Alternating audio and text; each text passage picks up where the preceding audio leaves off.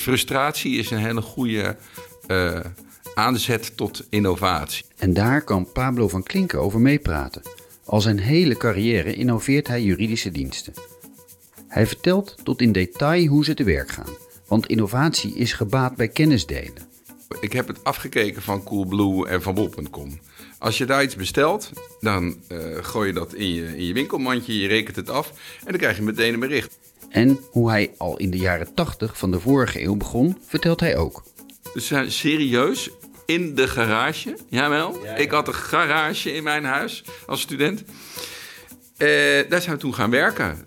Luister echt tot het eind, want daar geeft hij goede tips voor beginnende ondernemers. Zoals, ga niet te snel naar het buitenland. De tijd en energie die je stopt om daar iets op te zetten, die kan je echt tien keer beter in Nederland investeren als je denkt dat je nog die groei kan maken. En hij vertelt ook over de stichting Allemansrecht. Die investeert in goede initiatieven, mits ze tot meer toegang tot het recht leiden. Technologie gaat het juridische werk veranderen. Dat lijkt onvermijdelijk, maar de meeste van ons merken er nog weinig van. Wie zijn in Nederland de drijvende krachten? Wie zijn die vernieuwers, die legal tech ondernemers? Juridisch ondernemer Marijn Roymans en ik, Erik-Jan Bolsjes, zijn benieuwd naar de verhalen van die vernieuwers. Welke legal tech ondernemer zorgt voor het al lang geleden voorspelde end of lawyers? Of komt dat einde er niet en leveren de legal tech startups vooral nieuwe en andere diensten dan de traditionele jurist? In seizoen 2 van Meesterlijke Gesprekken vragen we de Nederlandse legal tech ondernemers naar hun dromen en daden, hun misrekeningen en hoe ze met hun start-up of scale-up de Nederlandse markt voor altijd gaan veranderen. Luister naar Meesterlijke Gesprekken, de podcast van We Legal Network, mede mogelijk gemaakt door Jurist in Communicatie.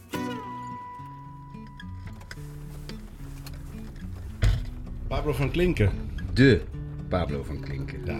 Eigenlijk is hij de, gewoon de godfather van legal tech in Nederland. Nou, in ieder geval de eminence grise. Sorry Pablo. maar hij heeft het ook gedaan. Hè? Dat ja, vind ik echt. is wel zo. Hij, hij is echt al lang. Hij, is al, hij was al bezig met, met technologie in de juridische markt. voordat het woord legal tech uh, ooit uitgesproken was. Toen faxen nog normaal was. Toen faxen nog normaal was. Toen nog brieven schreef. Ja, toen was hij al bezig met legal tech.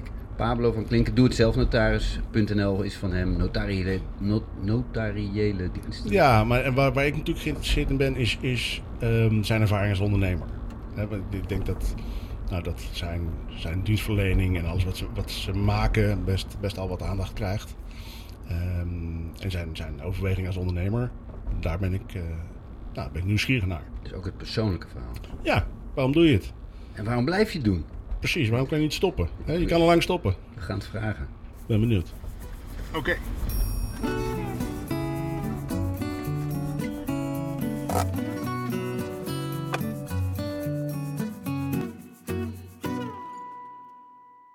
In hoeverre is wat jij doet legal tech? Dat is 100% legal tech, denk ik. Want het is het inzetten van techniek om te zorgen dat een juridisch proces beter gaat lopen. Mijn hoofdactiviteit is uh, notariële diensten, wat heel saai klinkt. Maar we maken daar verklaringen van erfrecht, wat ook heel saai klinkt. Alleen, um, we zijn begonnen om het proces van een notaris te vergemakkelijken, zodat we het beter konden doen. En in het proces in de afgelopen twee jaar hebben we steeds meer gebruik gemaakt van techniek om hele stappen uit dat proces weg te knippen en die door de techniek te laten doen. Dus, dus, dus langzaam maar zeker wordt de menselijke inbreng in dat proces steeds kleiner. Ja. En je zegt notariële, notariële dienst, ik verkoop jou altijd, we kennen elkaar al even, als uh, doe het zelf notaris.nl. Want dat, dat is wel herkenbaar, denk ik, voor veel mensen. Ja, ik had uh, voor dit gesprek bedacht, hoe, hoe leg ik het uit? Ja. Notariële dienst is eigenlijk een innovatie die voortkomt uit de frustratie. Volgens mij komen veel innovaties voor uit frustratie. Um, omdat mensen namelijk zich aan iets storen en denken, dit moet anders. En dan gaan ze het oplossen. Dat is denk ik, dus frustratie is een hele goede uh, aanzet tot innovatie. Nou, bij de Doet-zelf notaris was het als volgt. Wij maken daar opdrachten, kant en klaar, met de akte erbij. Die sturen we naar de notaris. Die mensen zijn allemaal hartstikke blij als het zo makkelijk kan en online. En dan komt het bij de notaris en dan duurt het zes weken. En die reageert helemaal niet. En die stuurt niet een bevestigingetje van, goh, ik heb alles binnen. Ja, dat, Daar werden mensen dan heel zagrijnig van. En daardoor ik. Want dan heb je klanten helemaal blij gemaakt. En dan zit zo'n notaris aan de achterkant. Die zit dat op te kloten. Nou, toen dacht ik, dan moeten we toch eens kijken of we dat anders kunnen doen. En dan die notaris alleen maar aan het einde nog inzetten. En zo begon dus notariële diensten. Want bij verklaringen van erfrecht hoef je eigenlijk helemaal niet naar de notaris. Dus daar kan je alles op één centrale plek in Nederland doen. En vervolgens één notaris. Nou, die kan het niet meer aan. Dus er zijn nu vier verschillende notarissen. Maar die tekent uiteindelijk alleen nog maar die verklaring. En toen konden we het zelf gaan doen. Dus die consument die komt op doet zelf notaris voor een verklaring van erfrecht. En, en dan voorheen duurde dat zes weken, want er zat de notaris uh, Als dat te printen of te faxen of wat deed hij ermee. En, en nu kan dat in? Nou, in twee weken. Dat is nog steeds lang. Sne- Sneller gaat het niet. We moeten vaak nog naar de gemeente voor een onderzoek. En die doet er nog even over. Eh, ik heb het afgekeken van Coolblue en van Bol.com.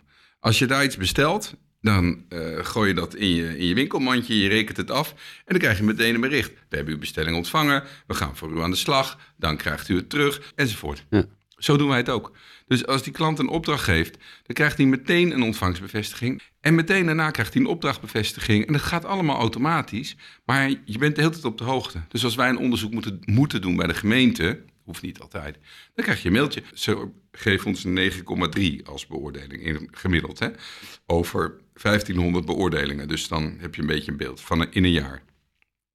Dus de mensen zijn heel blij. En die zijn vooral blij, zeggen ze, omdat het zo inzichtelijk is. En zo duidelijk en zo makkelijk. Ja, dat snap Dus- ik wel. Dat, dat, dat, ik, ik kan me dat als consument ook voorstellen. Dat je, Ja, als het wat langer duurt, dat is niet zozeer eh de frustratie. Alleen als je in de dark bent, als je niet weet wat er gebeurt... en dat je niet weet of er wel... of je bericht wel aangekomen is... of er wel iemand aan naar kijkt... of dat het misschien ergens van een tafel gevallen is. Of, ja, dat is waar de frustratie ontstaat. ja. Wij hebben uw testament ontvangen. Dat vinden mensen gewoon heel fijn. Want ze sturen nog wel altijd een testament. Dat is wel een dingetje als je dat op ons gaat sturen naar iemand. Ja. Dus als je dan een bevestiging krijgt, we hebben uw testament ontvangen. Dan denken mensen, daar zijn ze weer gerust. En Maar als ik een- even mag, dit is geen, geen legal tech. Dit is gewoon klantenservice. Ah, ah, Dat is waar, maar het is wel met gebruik maken van techniek. Want wat je eh, maakt is eh, eerst nemen dat juridische proces. Kijk, het, het is eigenlijk een soort.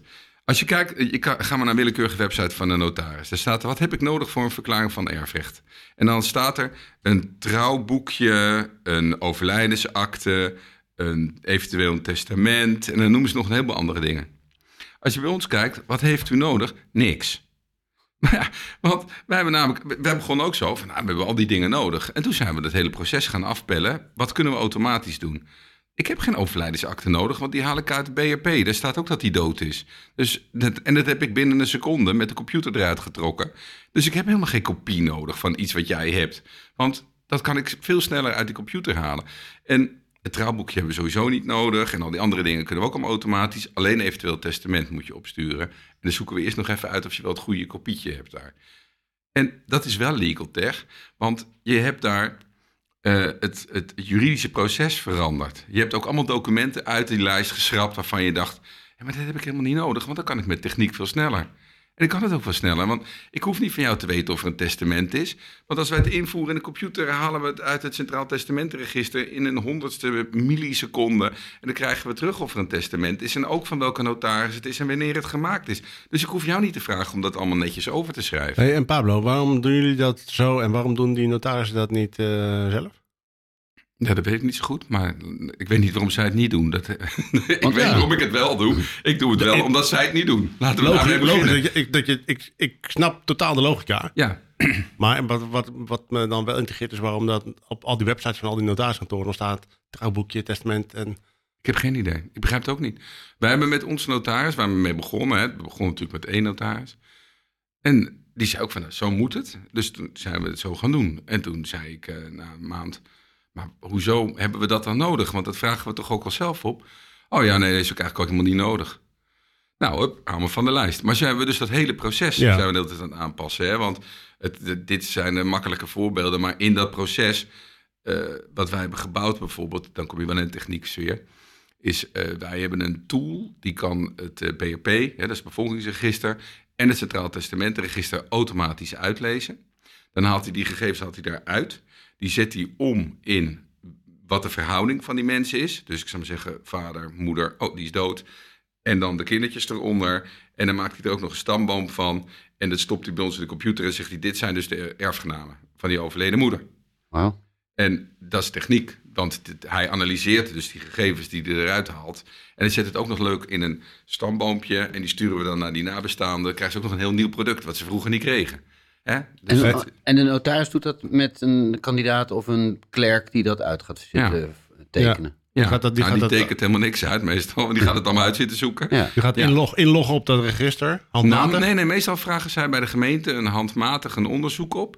Dan gaat de gemeenteambtenaar gaat dat allemaal uitzoeken. Die stuurt dat op naar de, naar de notaris. En dat is omdat de notarissen dachten dat dat systeem van het BRP niet waterdicht zou zijn. En toen heb ik dat opnieuw bedacht en gezegd: ja, maar dat is wel waterdicht als je het namelijk cross-checkt. Door van allebei die mensen even te Ja. kijken wat hun kinderen zijn. En als daar iets afwijkends uitkomt, dan, Dan- kan het alsnog met de hand. Maar als daar precies hetzelfde uitkomt, dan kan je ervan uitgaan dat het goed is. Ja. Toen hebben we dat op 200 dossiers getest, of dat waar was. Toen bleek dat wij het beter deden dan die gemeenteambtenaren met de hand.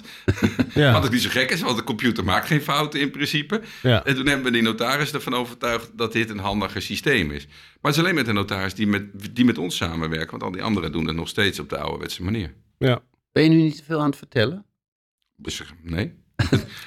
Het is geheim. Nee? Nee, dat, ja, volgens mij is. eh, maar ik ben misschien daar. Misschien is dat alweer achterhaald. Maar ik geloof juist dat kennis delen. dat dat leidt tot meer eh, input en dus tot eh, vernieuwing. Waarom is dat achterhaald, denk je? Waarom niet. Twijfel je zijn- of dat achterhaald is? Misschien zijn er allemaal mensen die tegenwoordig denken: nee, maar je moet het bedrijfsproces geheim houden. Ah. ik geloof helemaal. Als iemand het na wil doen, gaat hij zijn gang maar. Ik denk dat hij zich beter bij ons dan kan aansluiten, want we hebben het allemaal al. En Het is best prijzig, hè, sommige van deze dingen die ik nu vertel. Om te Je zou een individuele notaris, denk ik, zich niet kunnen Nee, veroorloven ik denk dat dat ook zo om is. even dat neer te gooien, dat bedrag. En even kijken, want we zijn al heel diep in jouw product, notariële diensten, verklaringen Ja. van erfrecht. Ja, jij vroeg of het technische dan Ja, daarom. Daar Ja. was ik ook heel benieuwd naar. En dat heb je heel mooi uitgelegd. Zelfs zoveel dat ik denk, eh, nu gaan allemaal mensen ook programmeren. Maar dat is jouw probleem. Ehm, wat daarvoor zat, nog een keer, eh, doe het zelf notaris. Met Ja. allerlei actes. Is dat weg? Nee, Dat doe je ook nog. ja, het zijn wel twee verschillende bedrijven. Mhm. En bij notariële diensten hebben we ook nog allemaal overnames nu gedaan. We hebben net twee concurrenten opgekocht. Dus kennelijk werkt het toch andersom. De Verklaring van erfrecht.nl Ja. hebben we gekocht. En verklaring van executele.nl. En zijn er zoveel verklaringen van erfrecht dan? Want het lijkt me een niche van een niche en daar nog een klein gaatje in. Maar wil ik, zou ik dat je dat dan ook gewoon allemaal vertellen? Doe. ja, nee, maar ik ben echt benieuwd wat dit nou... Oh, dat is toch een number game? Je kan toch We hebben- uitrekenen Ja. hoeveel er zijn? We hebben, ja, je kan, sowieso kan je bij de, de KNB, die publiceert elk kwartaal kwartaalcijfers met alle actes. Dan zie je precies hoeveel stichtingen er worden opgericht bijvoorbeeld. Ja. En dan zet ik ernaast hoeveel ik er deed. En dan zei ik, nou, ik heb eh, deze maand, dit, dit kwartaal, want het zijn kwartaalcijfers, heb ik eh eh 8%. En dan het kwartaal daarop had ik Je kan, 8,6%. gewoon, je kan gewoon uitrekenen waar de markt zit en wat je moet doen om... eh, Nou ja, je kan ook uitrekenen hoe goed je het dan doet. Punt. Ja, precies. Ja, en dan weet je ook waar de max zit. Nou, dus dat waren de. En bij de verklaringen van erfrecht hadden wij, eh, toen we begonnen in 2019, hadden we als doel dat we 5% van alle verklaringen van erfrecht wilden maken. En we hadden aan het einde van het tweede kwartaal van dit jaar hadden we 5,7% van alle verklaringen van erfrecht. En, en dat zijn er heel veel, want er worden er, eh, wat was het, eh, 47.000 gemaakt of zoiets. Per. Kwartaal, zeg ik uit mijn hoofd, in wat, die orde. wat kost een eh, verklaring van erfrecht? Bij ons of bij de notaris? Bij jullie natuurlijk.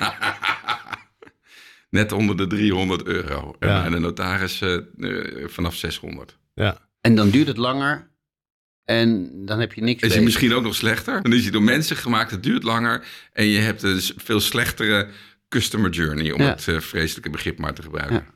Oké, en, en dan nu eh, zijn het verklaringen van erfrecht, maar daar stopt het niet. Neem Nee, we aan. doen ook verklaringen van executelen, dat is een variant daarop. Maar we doen nu ook eh royementen van hypotheken. Dus als je hypotheek is afgelost, dan moet die worden doorgehaald. Dat hebben we bijna helemaal geautomatiseerd. Dus er zitten bijna helemaal geen mensen meer tussen. Het hele idee van eh, wat we nu doen. eh, we hebben bij notariële diensten een, eh, een nieuw merk opgezet.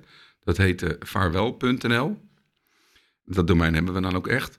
En op vaarwel.nl willen we eigenlijk de klant nog meer centraal zetten. Dus dan gaan we zeggen, er is bij jou iemand overleden. Wat kunnen we voor jou doen? Nou, er is een hele reeks producten die we daarvoor hebben bedacht. Waarvan we er dus al een deel hebben. En die gaan we zo meteen dus rebranden tot vaarwel.nl. En dan is het van, nou, ja, bij jou iemand overleden. Wat kom je gewoon nou? naar ons.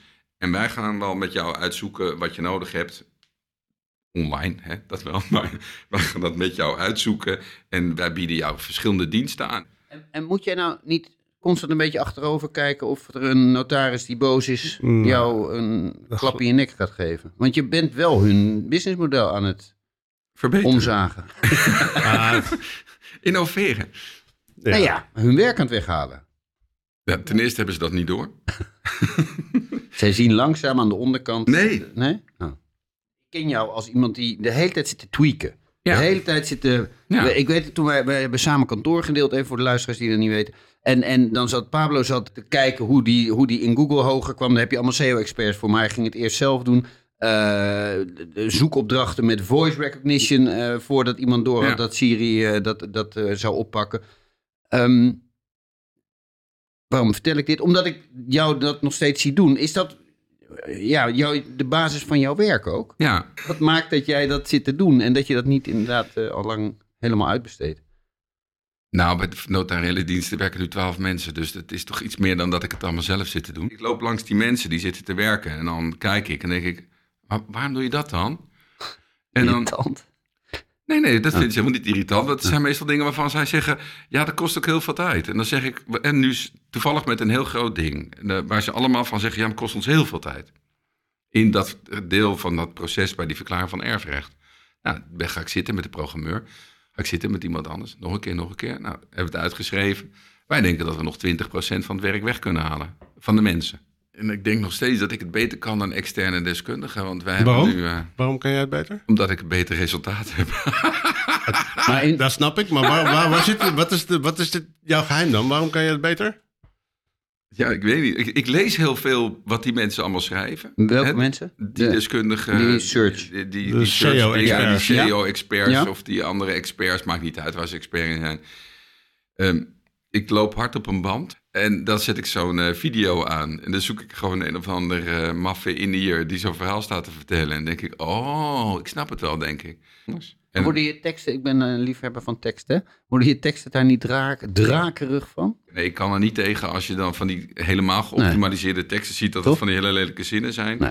Dat is echt bij mij. Gelukkig, Erik-Jan. Ja, mijn- Ja. Ja, dan vind ik echt dat- een no-go, ja. vind ik dat. Ja. dat is, het nee, dat doen we niet aan. het Nou, we hebben- blijft overeind. dat is We hebben mooi. daar wel discussie over, Erik-Jan en ik. Dat, eh, dat ik dat, eigenlijk vind dat je daar ook, eh, ja, dat je niet alleen maar om de, eh, het mooie stuk moet schrijven, maar dat je eigenlijk dit wel mee moet nemen. Nou ja, je moet antwoord geven op de vraag, volgens mij zijn we het daarover eens, van, van de zoekende Ja. eh, klant.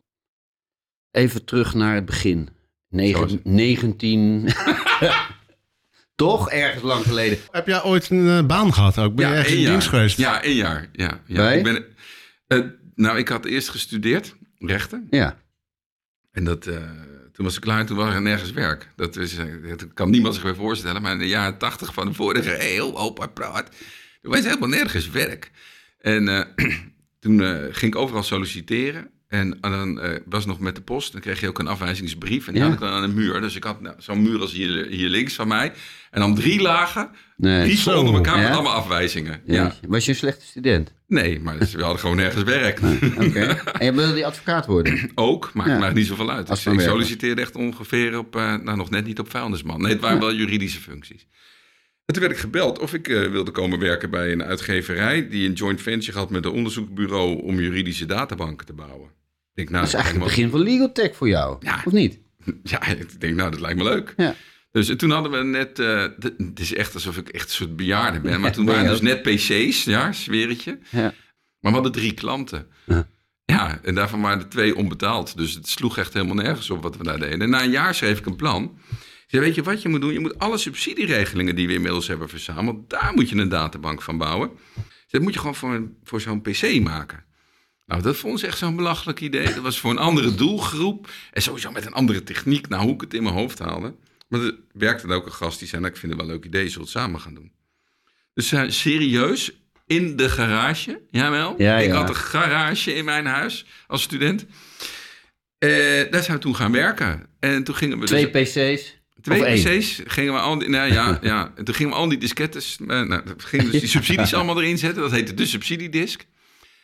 En dan kon je dus als ondernemer kon je in een minuutje intikken welke subsidies er voor jou van toepassing waren. Dan kon Kamer van Koophandel en accounts konden dat ook allemaal. En die vonden het allemaal super handig. En ze moesten allemaal een abonnement nemen, want die regelingen die wijzigen waar je bij staat. Dus zo begon het. En de rest was history, want toen werd het heel groot. En toen En, en dat is het bedrijf KSU geworden, of niet? en dat was GVU, dat was mijn eerste bedrijf. Oké, Ik verkocht aan Elsevier. ja. En toen Toen- kon je al heel naar een eiland en eh, met een bootje, of niet? Nou, dat in theorie gekund. Maar Het was heel, eh, het is heel sneu, want ik was namelijk 33 toen. En toen dacht ik, nou, leuk, dan ga ik leuke dingen doen. Maar toen bleek dat iedereen net aan de, in zijn carrièrepad zat. Dus toen zei ik, zullen we naar het strand gaan? In je eentje, naar- in je eentje naar het strand. Ja, al die vrienden die zeiden, zo joh, ben je gek of zo? Ja. Je moet gewoon werken vandaag. Dus Ja. toen ben ik maar weer wat nieuws gaan doen. En dat werd KSU. Ja. Ik zit sowieso nooit stil. Nee, dus dat, zal, dat denk dat het daar vooral mee te maken heeft. En Maar- KSU is, even voor de, de luisteraars die uh, Die heeft eh, advocatie bijvoorbeeld bedacht. Om maar, nou, dat heb ik bedacht. Maar KSU heeft dat uitgegeven, ja. Ja. En eh, nog een heleboel andere producten die we daar maakten. En dat is verkocht aan SDU. Toen kon je weer op een eiland gaan zitten, heb je het weer niet gedaan. Kom weer op een eiland gaan zitten. Ja, had in theorie gekund, maar dat haalde ik allemaal niet, hè. Het is niet zo, dat, want voor op een eiland zitten heb ik een keertje voorgerekend aan iemand, moet je wel echt vet veel geld hebben. Als je echt nooit meer wil werken, Ja. en ik bedoel, neem een jaar als dit, dat het min 20 is op de beurs, dan wordt het wel angstig op dat eiland. Dan moet je wel plotseling eh, alleen nog maar kokosnoten eten. Dus ik weet het niet. Dat, eh, je moet wel meer dan 10 miljoen hebben, wil je op een echt helemaal je hele leven op een eiland kunnen zitten. Oké, en even een bummer voor de legal tech startup. Die 10 miljoen krijg je niet zomaar. Nee, Want je had twee keer een bedrijf wat het goed deed. Ja, maar dat, dan heb je nog geen 10 miljoen. Is dat ook niet jouw doel dan geweest al die tijd? Van, ik wil gewoon niet, niet meer werken. Nee, dat Nee, nee. blijkbaar niet. Het doel is nooit geld. Het doel is eigenlijk altijd dat ik het leuk vind om te doen. En dan te kijken of je daar dan wel geld mee kan verdienen. Want ik vind dat als het niks oplevert, is het een zinloze activiteit en ook geen innovatie.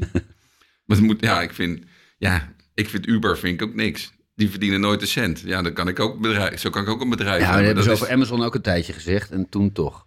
ja, dat is waar. Dus je moet Maar soms... beide, beide doen het op basis van slavernij en dat vind ik ook weer geen uitgangspunt. Dus dat zou eigenlijk ook niet moeten. Dus het, het moet ook nog verantwoord, het moet een beetje kloppen. Hè? De mensen moeten er goed aan verdienen. Het moet iets, aan, iets toevoegen aan de, aan de wereld. Dat vind ik echt serieus. Dat klinkt misschien heel hoogdravend, maar dat vind ik wel. En wat voegt het toe dan, wat je nu doet?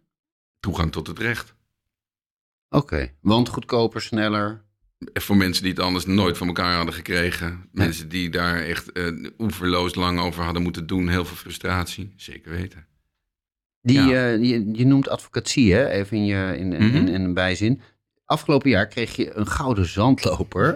Die heb jij bedacht, of niet? Ja, Ja, dat vind ik dan heel grappig. ik Dat ook. je- Moest ik ja, heel hard lachen. Ja. Was je ook nog een beetje ontroerd of was het meer... Ja, ja, ik vind het heel fijn om dat te winnen. Het was, eh, nou, het, het was wel grappig. Kijk, we hadden die gouden zandlopers.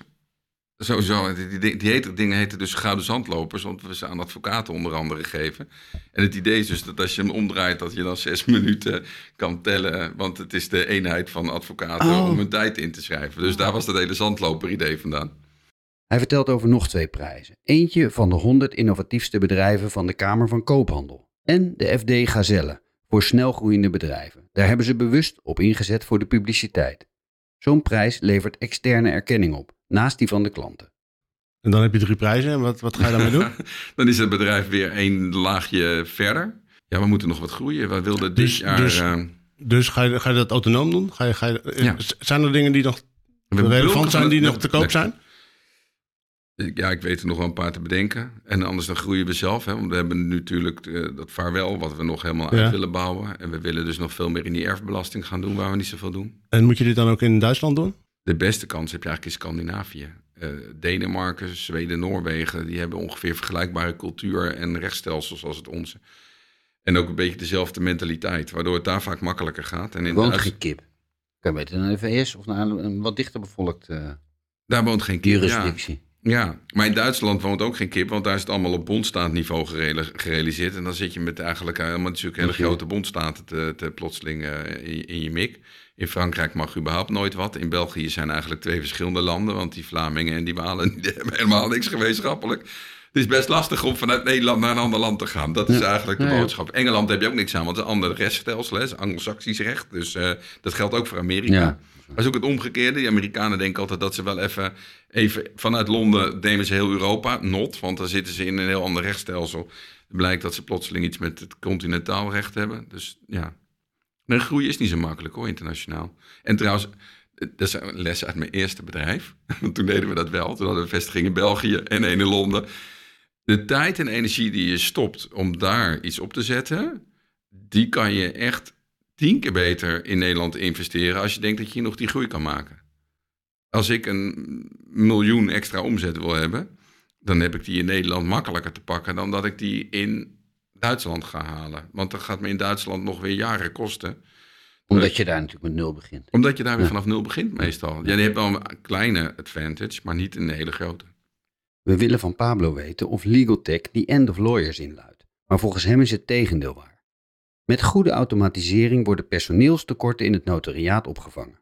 Er is geen notariskantoor waar ze niet de personeelstekort hebben op dit moment. Hè? Ja. Dus eigenlijk hebben ze ons, zouden ze ons soort techniek veel meer moeten inzetten. Moeten jullie je techniek dan niet ook eh, verkopen aan die notariskantoren? Zodat zij dat... eh, Ja, het punt is dat, ja, van mij mag het. hè, We, bieden white label bijvoorbeeld aan. Hè? ja, Dus dan kunnen ze. maar er is niet veel vraag naar. Nee, dat vinden ze allemaal heel eng. En de- ze hebben natuurlijk allemaal de softwareleveranciers, dat is ook weer zo'n ding. De softwareleveranciers die er zijn voor de notariaat. Ik heb dat ook gedaan, hè? dat weet jij ook nog wel van vroeger. Toen maakten we software voor de advocatuur, Legal Eel. Je punt is dat je maakt software voor een hele kleine markt. Dus het is heel erg moeilijk om daarin te investeren. Want je maakt dan dus bedrijfsproces software. Ja, dat, ja. En dan daar kan je, ja, de- je concurreert eigenlijk met andere bedrijven zoals eh, Exact of eh, SAP of wat dan ook. Want die maken ook bedrijfssoftware. Alleen jij doet het dan voor een hele specifieke markt. En dan is het heel moeilijk om te investeren, omdat die markt maar klein is. Want er zijn maar 800 notariskantoren. Ja, ik weet niet hoe je die investering dan wil uitsmeren. Dus het is heel moeilijk om voor die markt. En er zijn dus vier aanbieders voor de duidelijkheid, hè, van software voor notarissen. Dat zijn allemaal kleine clubjes dus. Dat zijn allemaal kleine clubjes. Dat klinkt voor de luisteraar die eh, met, met een goed plan eh, onder zijn arm lo- rondloopt, zeg maar. dat Klinkt het niet heel hoopgevend. Ik, ik verdien er toch ook geld aan elke keer? Ja, maar jij, jij, jij richt je natuurlijk gewoon op de eindklant. En niet op In de... dit geval richt ik me op de eindklant. Maar En ik heb ook dat- geld dat- verdiend toen ik me wel op de advocatuur richten. Je moet het gewoon een beetje, je moet het wel beter doen dan de rest. Hoe moet je dat... Hoe moet je, wat, wat is advies? Het zijn van die open deuren, vind ik het altijd. Maar de- Ah, de Ja, laten we er toch maar met de belangrijkste open deur beginnen. Jij moet iets maken waar je klanten op zitten te wachten. Dan kan het zijn dat die klant nog niet weet dat hij erop zit te wachten. Maar als jij iets gaat maken waar die klant echt niet op zit te wachten, gaat hij het ook niet kopen. Ook niet als jij denkt dat je een supergoed idee hebt bedacht. Dat Nee. gaat hem niet worden. Nee. Als jij denkt dat je iets kan maken wat het werkproces bij een andere partij moet veranderen en dat die dan ook nog klant bij jou moet kopen, dan vraag je twee dingen. Dan zeg je, en ik heb hier een hele iets leuks voor jou, daar moet je voor gaan betalen. Oh ja, by the way, je moet ook anders gaan werken. Denk je dat hij dat gaat doen? Dat gaat hij natuurlijk niet doen, hè, die Dat klant. nooit doen, nee. Jij moet iets maken wat het makkelijker maakt wat hij al doet. Dan Ja. zullen ze wel klant bij je worden. Nou, dat is echt les 1.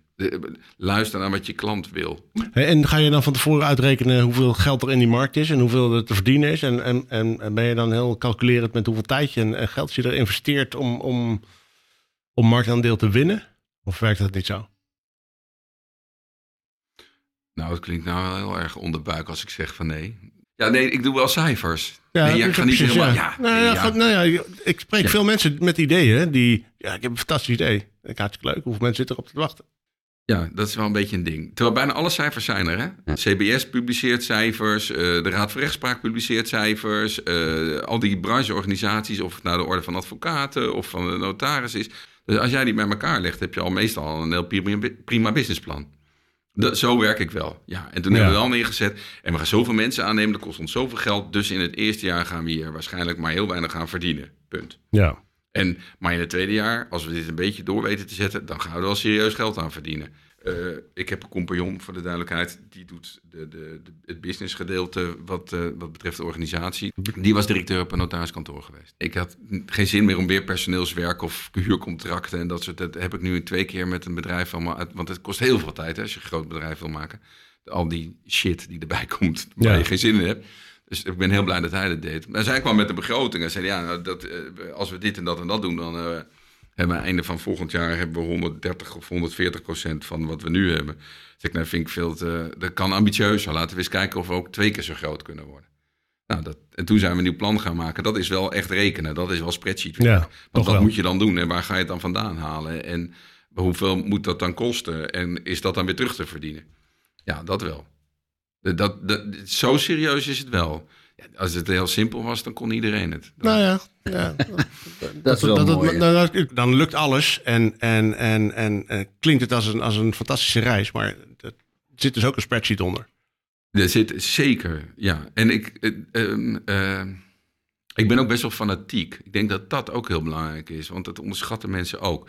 Dus ik was op school helemaal niet fanatiek. Eh, ik ben echt wel, ik ben twee keer blijven zitten op de middelbare school en ik had ongeveer gemiddeld een zes, behalve bij mijn eindexamen. Toen dacht ik, nou, come on, zegt, ik kan toch niet. Dus toen heb ik een paar betere cijfers ook erbij gehaald.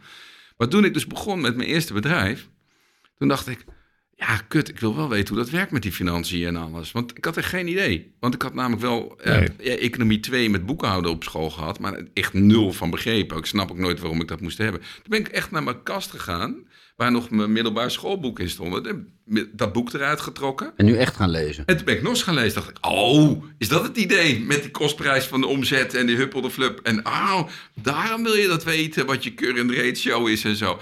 En toen ben ik ook nog een cursus gaan doen bij de Kamer van Koophandel. Inzicht in bedrijfsfinanciën. Want ik wilde wel weten hoe dat dan werkt. Zoals je ook weet hoe je programmeert. Je doet het niet per se, maar je, je kan wel naast de programmeur gaan zitten en zien wat diegene doet. Ik snap wel wat het idee Ja. is. Ja. En, en zo ook SEO. ja. Ja. Ja, en daar ben ik wel heel fanatiek in. Maar Ja. ik denk wel, het- natuurlijk, ehm, het is makkelijk lullen. Van ja, ik, ja, ja, als ik iets doe, dan gaat het meestal wel goed. Maar dat komt ook omdat ik van tevoren wel even zoek. Je wat doet ik, wel je huiswerk. ik, weet, ik weet wat de verklaring van erfrecht is van voor tot achteren bijvoorbeeld. Ja, Maar dan ook helemaal. Ik weet het beter dan in het huis. Daarom kan ik zijn proces ook veranderen. ja. Ja, dit dat- klinkt arrogant, maar dit, ik, ik ken jou lang genoeg om te weten dat het echt zo is. Ja, nee, dat weet ik. Ja. Ja. maar vroeger zei ik over heel veel dingen. Ja, dat kan je toch niet zeggen, dat is arrogant. Tegenwoordig denk ik, dat is Ja, helemaal niet arrogant. Dat is gewoon een feit, punt. Ja, Ja. ja. maar vroeger, ik had... Maar dit is ook wat, wat nodig is, dus zeg je. Want je kunt denken, ik heb een gat in de markt en tralala, dat verkoopt zich wel. Ja, dat is natuurlijk een, een beetje te simpel gedacht, dat weet ik ook wel. Maar, maar het is hard werken. Het is keihard werken. ja. Maar dat is wel Eh, degelijk. heb je nooit, nooit, nooit meegemaakt dat je moest pivoten, dat je het anders moet doen? Gaat het altijd zoals je het van, je voor, van tevoren bedacht hebt? Nee, het gaat nooit zoals je het van Ik tevoren... wou net zeggen, ik dacht, zou trap wel leuk. Ja. Het begint... Nou, er, er moet wel een soort rode lijn zijn waarvan je zeker weet dat het oké is. Maar we hadden een bedrijf in België opgezet bijvoorbeeld. Hè, dus mijn, mijn eerste bedrijf. Maar dat werkte helemaal niet. Dus dan, ja, dan heb je er wel heel veel geld in gestopt en heel veel tijd. En dan moet je besluiten dat je dat dus weer gaat opheffen... omdat het gewoon qua rendement niet zo tof is. Lig je daar dan wakker van? Nee, ik lig zelden wakker, moet ik zeggen. Dat is wel ondernemen, is wel 24 uur per dag. Helaas. je bent er alsmaar aan. Je bent, ja, en alleen als ik op vakantie ga, dan schakel ik af. Soms in het weekend. En anders ben je aan. Dat is wel het ding, ja, bij ondernemen. en is is wel- dat een bewust proces, het uitschakelen? Dat leer je vanzelf, anders word je helemaal gek volgens mij. Dan krijg je echt een burn-out. Pablo vertelt nog iets heel interessants voor legal tech ondernemers die op zoek zijn naar investeerders. Hij is bestuurslid van de stichting Allemansrecht. Die investeert in initiatieven die de toegang tot het recht verbeteren. Het zouden legal tech ondernemers kunnen zijn. Dan wordt het alleen niet uitdelen, maar lenen of deelnemen. Maar het kunnen ook eh, non-profit projecten zijn. Als het een commercieel bedrijf is, dan is Dan het kunnen wij deelnemen. Ja, Ja. Wij, hebben, wij hebben drie opties. We kunnen geld uitlenen. We kunnen deelnemen. Dus echt in een bedrijf. En echt een beetje venture capital-achtige benadering daar. Ja. En dan willen we ook graag geld verdienen. En dan moet het gaan over toegang tot het recht. En er moet zijn toegang tot En, het recht. eh, hoe kader je dat af? Niet. En nee, ik denk namelijk dat mijn fantasie niet ruim genoeg is om alle ideeën te bedenken die mensen kunnen bedenken om de toegang tot het recht te verbeteren. Ah, ja. Zo is het. Ja. Dus als je daar Dus ik ga het niet afkaderen. Nee, Kom jij maar met een plan. Kom, en dan, laat het maar zien. laat maar zien. Ja, Ja. ik, ik heb nu al dingen gezien waarvan ik dacht, nou dat vind ik grappig. Dat had ik zelf niet bedacht. Als je meer wilt weten, kijk even op allemansrecht.nl. Als laatste vragen we hoe lang Pablo nog wil blijven werken. Hij is toch ook niet meer de jongste? Ik blijf niet eeuwig hetzelfde doen. Maar als het nog heel goed gaat en het groeit als een idioot, vind ik het superleuk. Dus dan blijf ik het juist weer wel doen.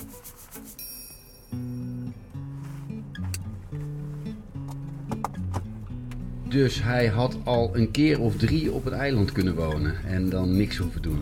Ja, een eiland. Ja? Nou, ik, ik heb hem niet horen zeggen dat je met het verkopen van een, een, een legal tech onderneming in Nederland uh, schat helemaal rijk wordt. Nee, nee, dat is waar. Hè, ik denk dat hij zijn schapen best op bedrogen heeft. Uh, maar hij is geen Mark Zuckerberg. En hij is gewoon, uh, hij vindt het leuk om, om te sleutelen en te Precies? Het, het, hij, hij doet het niet voor het geld. Hij doet het omdat het gewoon het, ja, datgene is waar hij het blijst voor wordt.